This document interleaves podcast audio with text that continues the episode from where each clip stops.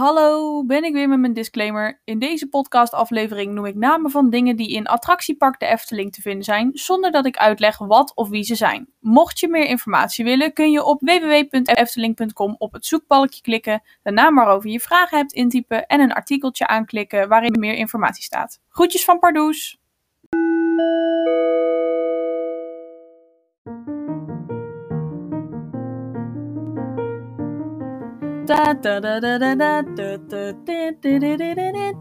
Ja, hallo allemaal en welkom bij alweer de zevende aflevering van Tussenjaar de podcast. De podcast waarin ik allerlei ervaringen ga delen uh, die ik op dit moment meemaak in mijn tussenjaar. Want Hoi, ik ben Emma, ik ben 18 jaar en zoals ik dus net ook al zei, heb ik een tussenjaar. En vanwege corona is het allemaal iets anders gelopen en pakt het allemaal iets anders uit dan dat ik had gepland. Maar wat niet anders is gelopen, is namelijk dat ik op dit moment werkzaam ben bij de Efteling. Ja, jongens, jullie lezen en jullie horen het goed. Ik werk bij de Efteling. En ik krijg regelmatig vragen van mensen in mijn omgeving die daar van alles over willen weten. En daarom heb ik dus de belangrijkste vragen voor jullie op een rijtje gezet. En uh, die ga ik beantwoorden. Maar ik ga ook wat leuke verhalen vertellen. En ik hoop daarbij jullie misschien aan te sporen om ook bij de Efteling te kunnen komen werken. En anders jullie gewoon voor het komende uh, minuutje of twintig te vermaken.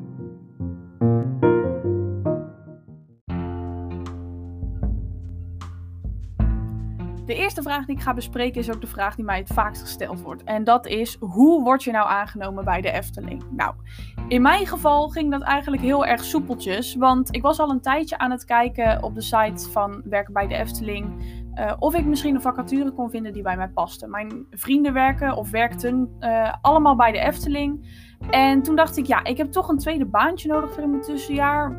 Misschien is het toch wel iets voor mij, want ik woon er uh, heel erg vlakbij. Uh, dus toen ben ik inderdaad op de site van Werken bij de Efteling gaan kijken. En toen stond er een vacature vrij voor uh, ingang park. En toen dacht ik, nou leuk. Het lijkt me hartstikke mooi om met een grote glimlach mensen in het park te verwelkomen. Tickets te controleren en mensen te helpen met parkeren. En uh, toen heb ik een formulier ingevuld. En toen werd ik eigenlijk al heel snel op gesprek gevraagd. Nou, en dat sollicitatiegesprek was heel erg prettig. Was ook zo voorbij. En hartstikke gezellig eigenlijk. Um, alleen toen werd er wel gezegd van nou, bij de ingang hebben we eigenlijk geen plek meer over. Maar we willen je wel heel graag hebben bij uh, de retail. Dus dat zijn de souvenirwinkels en uh, ja, de merchandiseverkoop eigenlijk. Uh, toen zei ik, nou, is goed, vind ik hartstikke leuk. En toen kwam ik dus bij de Marskramer te werken. En de Marskramer is een van de grotere souvenirwinkels in de Efteling. Die zit bij de ingang van het Sprookjesbos. En mocht je nou denken, ja, ik weet wel ongeveer waar het zit. Misschien ben je er een keer binnen geweest. Er staat namelijk een gigantisch sprookjesboek met het kasteel van Doornroosje in het midden van de winkel. Dus misschien komt dat je wel bekend voor. En uh, nou, toen uh, in de loop daar naartoe moest ik ook nog uh, mijn uniform op gaan halen. En dan kom ik gelijk bij vraag 2. Want het uniform is echt super leuk. En je ziet dat ook heel vaak voorbij komen. Dat mensen dan wel zeggen van... Oh, leuk, leuk giletje heb je aan. Maar ze vragen zich ook vaak af uit welke kledingstuk je uniform nou volledig bestaat. Zit je blouse aan je gilet vast? Nou, dat kan ik echt super simpel uitleggen. Je hebt namelijk een blouse. Dat is een mooie witte blouse met allerlei icoontjes van de Efteling erop. En dan krijg je een mooie blauw met bruine gilet met Efteling uh, achterop. En je krijgt je eigen naamplaatje met alle talen die je spreekt. Dus in mijn geval zijn dat Nederlands, Engels, Frans en Duits. En um, dan krijg je nog natuurlijk ook reserveblouse en reservegiletje. Uh, maar je krijgt ook een werkbroek. En die zit echt super lekker. Die is hartstikke fijn om mee te werken. Um, en dan moet je hele goede werkschoenen eronder aan doen. Want je moet best wel veel lopen en staan uh, als je werkt bij de Efteling. En dus um, heb ik gewoon simpele zwarte sneakers eigenlijk gekocht. En mocht je bij de attracties werken, dan krijg je dus schoenen die een stalen neus hebben. Want um, je moet wel eens over de achtbaan lopen. En dan is het handig als je uh, geen ongelukken veroorzaakt. Um, en dan krijg je verder natuurlijk ook nog een jas. En voor in de winter krijg je een muts en wanten en een sjaal.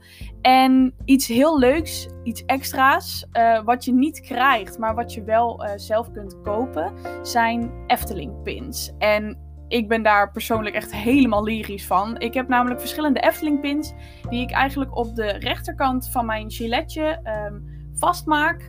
Um, en voorbeelden daarvan zijn die van Max en Moritz.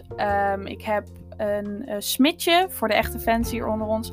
eh, van het Sprookjesbos. Ik heb een pinnetje van de Droomvlucht. En ik heb een pin van Pardoes. En die wissel ik dan af en dat maakt mijn uniform eigenlijk compleet. Nou, en dan doe ik op een gewone werkdag gewoon een staart in. En ehm, dan neem ik natuurlijk wel uh, een lunch mee en uh, de rest van mijn spullen. Maar dan is mijn Efteling uniform eigenlijk compleet.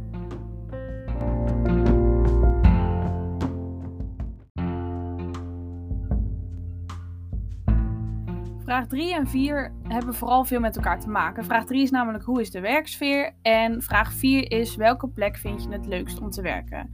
Nou, hoe is de werksfeer? Daar heb ik een super simpel antwoord op. De werksfeer is precies hetzelfde als het gevoel dat jij krijgt als je als bezoeker de Efteling uh, binnenkomt. En dat is namelijk heel erg gemoedelijk, uh, warm, een warme werksfeer en vooral heel gezellig. Het heeft ook echt uh, nou ja, het heet niet voor niets een werksfeer. Het heeft echt heel veel sfeer om bij de Efteling te werken. En dat komt ook mede door alle leuke collega's die ik heb. Um, ik spreek namelijk ook best wel wat collega's uh, buiten de Efteling nog. En dan whatsappen we. En uh, ik vind het ook heel leuk om soms met collega's als bezoeker naar de Efteling te gaan. En dan kom ik eigenlijk bij vraag 4. En dat is welke plek vind je het leukst om te werken? Dat maakt mij niet zo heel veel uit, zolang er maar gezellige collega's staan. En uh, er staan wel eens mensen die ik niet ken, uh, omdat de Efteling best wel veel mensen in dienst heeft. Maar het is eigenlijk altijd leuk om met elkaar een praatje te maken. En daarom maakt mij de plek niet zo heel veel uit. Ik heb wel een paar favorieten. namelijk de Marskramer, want dat is echt mijn plekje. Maar ik vind ook de buitenverkoop heel leuk. Ik vind het heel leuk om een praatje met de gasten te maken en kinderen blij te maken met een pardoesknuffel en ballonnen te verkopen. Maar ik ben ook graag op de Game Gallery te vinden. Dus mocht je vaak in de Efteling komen, dan weet je vast wel wat ik bedoel. Maar als het al een tijdje geleden is, zal ik wel even uitleggen wat de Game Gallery is. de Game Gallery is eigenlijk het gangpadje van um, ja, Ruigrijk, dus waar de Python en de Joris en de Draak en de Halve Maan, het schommelschip staat, richting Symbolica en de Carnaval Festival en de Vogelrok. Um, en daar kun je kermisspelletjes doen. En ik heb het daar ontzettend naar mijn zin. Uh, want ja, de kermisspelletjes zijn al heel veel uh, plezier aan zich. En uh, ja, daarom vind ik het ook heel erg leuk om daar te staan en uh, met de muziekjes mee te dansen en mee te zingen. En dan kom ik eigenlijk al gelijk bij vraag 5. En die moet ik stiekem toch wel om lachen.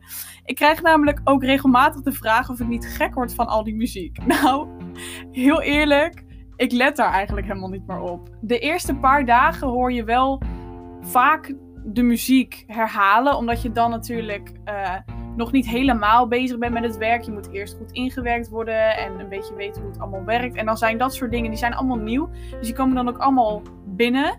Maar nu werk ik er bijna drie kwart jaar en ik let er eigenlijk helemaal niet op. Het is ook niet zo dat ik um, de liedjes na het eind van mijn werkdag nog in mijn hoofd heb. Want het komt ook wel eens voor dat ik ochtends op een andere plek sta dan waar ik s'avonds eindig. En dan heb ik dus verschillende deuntjes gehoord. Ja, we kennen ze allemaal. Maar ze blijven bij mij echt niet zo hangen als eerst. Dus eigenlijk is de vraag, de antwoord. Sorry, het antwoord op de vraag: word je niet gek van al die muziek? Is nee. Daar word je niet zo gek van als dat je misschien denkt.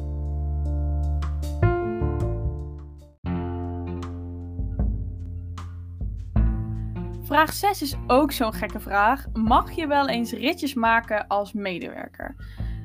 Dit vind ik een beetje een moeilijke vraag om te beantwoorden, want ik weet dat het wel mag, maar het wordt echt niet vaak gedaan. Ik heb het wel eens gehad dat ik bijvoorbeeld een karretje moest schoonmaken en dat je dan eventjes een ritje mee moet. Uh, en soms worden er bij achtbanen ook um, uh, een testritje gedaan. Maar het is zeker niet dat je buiten je werktijd zegt: Nou, kom, laten we eens in de Joris en de Draak gaan. Want je wil na een lange werkdag ook gewoon graag naar huis.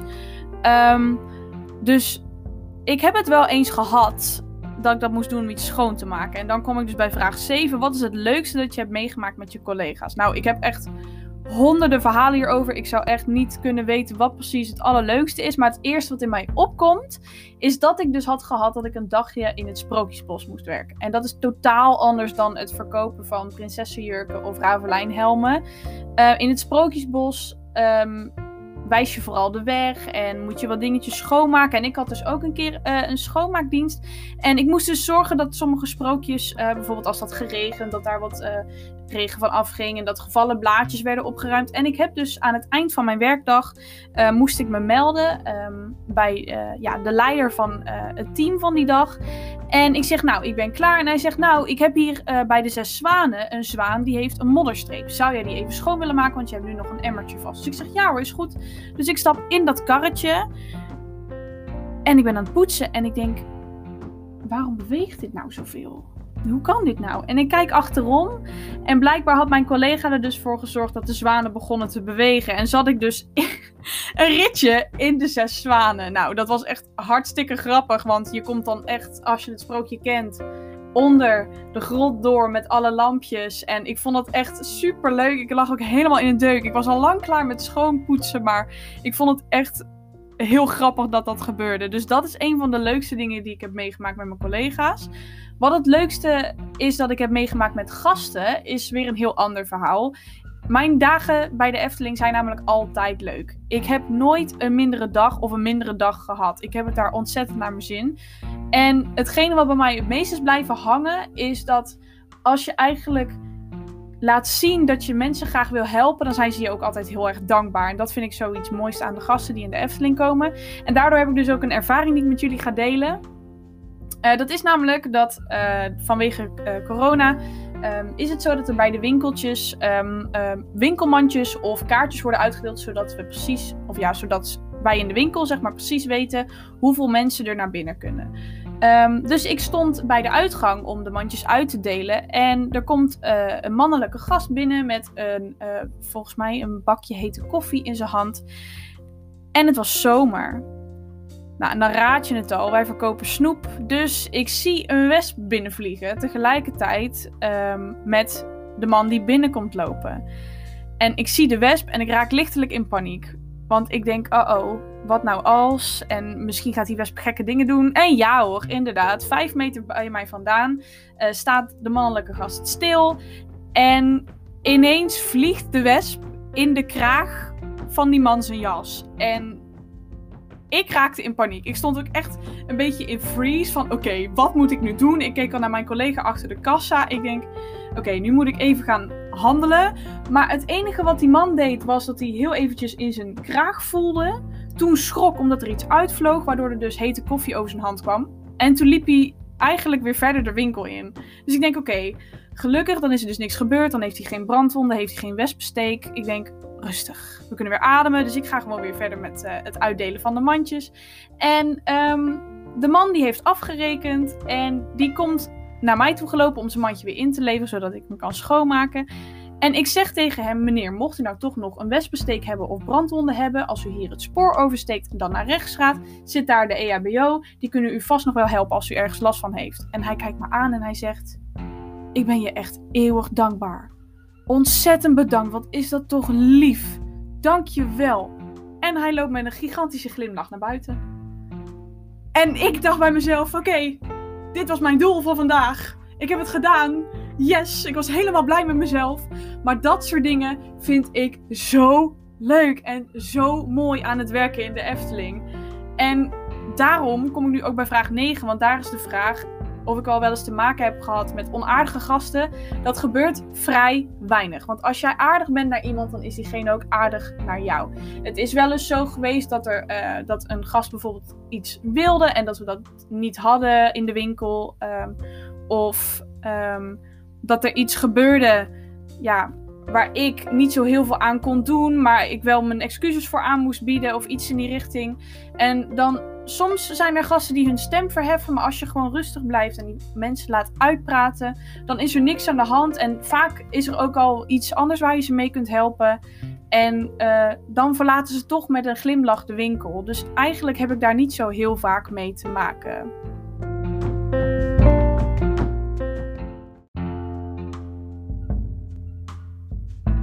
Dan heb ik nog de allerlaatste, en dat is ook gelijk de overkoepelende vraag voor jullie. Namelijk vraag 10. Waarom is het zo leuk om bij de Efteling te werken? Nou, ik mag hopen dat alles wat ik zojuist heb verteld en heb opgesomd, dat het in ieder geval al duidelijk maakt dat dat leuk is om bij de Efteling te werken. Ik ga altijd uh, met een glimlach uh, op mijn gezicht naar mijn werk toe bij de Efteling. En uh, ik ga ook altijd met een glimlach op mijn gezicht weer naar huis.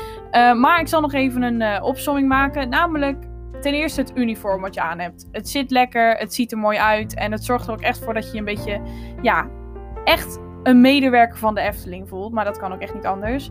En punt 2 is dan ook gelijk die warme werksfeer die er heerst. Uh, de leuke collega's, maar ook gewoon uh, de plek waar je werkt. Uh, zorgt er ook zeker voor dat er een bepaalde sfeer gecreëerd wordt. En daarbij is het ook het gevoel wat je bij de Efteling krijgt als bezoeker. Um, dat dat ook echt blijft hangen als medewerker. Tenminste, bij mij in ieder geval. Um, dan heb ik natuurlijk ook nog die blije gasten die ik elke dag zie. En waar ik zelf ook ontzettend blij van word. Die zorgen er ook zeker voor dat het zo leuk is om bij de Efteling te werken. En eigenlijk ook een dag altijd anders is. Je verveelt je nooit. Er is altijd wat te doen. Er is altijd wel wat te beleven. En dat komt echt eigenlijk alleen maar door al die blije gasten. Verder zorgt, ondanks dat ik er nu niet echt meer op let, natuurlijk ook de muziek die bij je werkplek hoort voor een bepaald soort sfeer. Het zorgt echt voor een geheel waar je staat. En af en toe lijkt het uh, in ieder geval voor mij een beetje nog steeds alsof ik uh, er niet werk.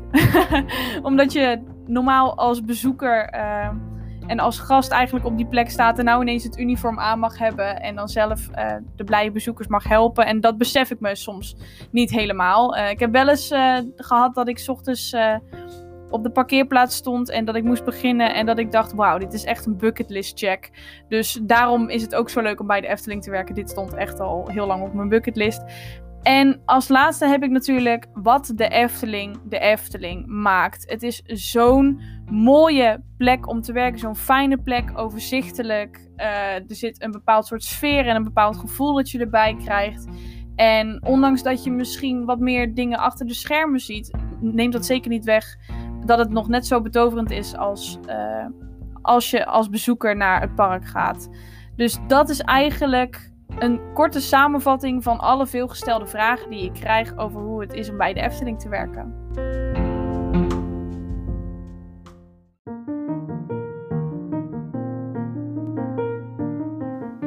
En dan is helaas ook deze podcastaflevering alweer bijna afgelopen. Mocht je dit nou hartstikke leuk vinden, kun je een review of 4 of 5 sterren achterlaten op Spotify, Apple Podcasts, Anchor.fm, Breaker, Google Podcasts, Pocketcasts en Radio Public. En als je misschien nog meer vragen hebt over hoe het is om te werken bij de Efteling, DM me dan via Instagram. Mijn username is Emma Krijger.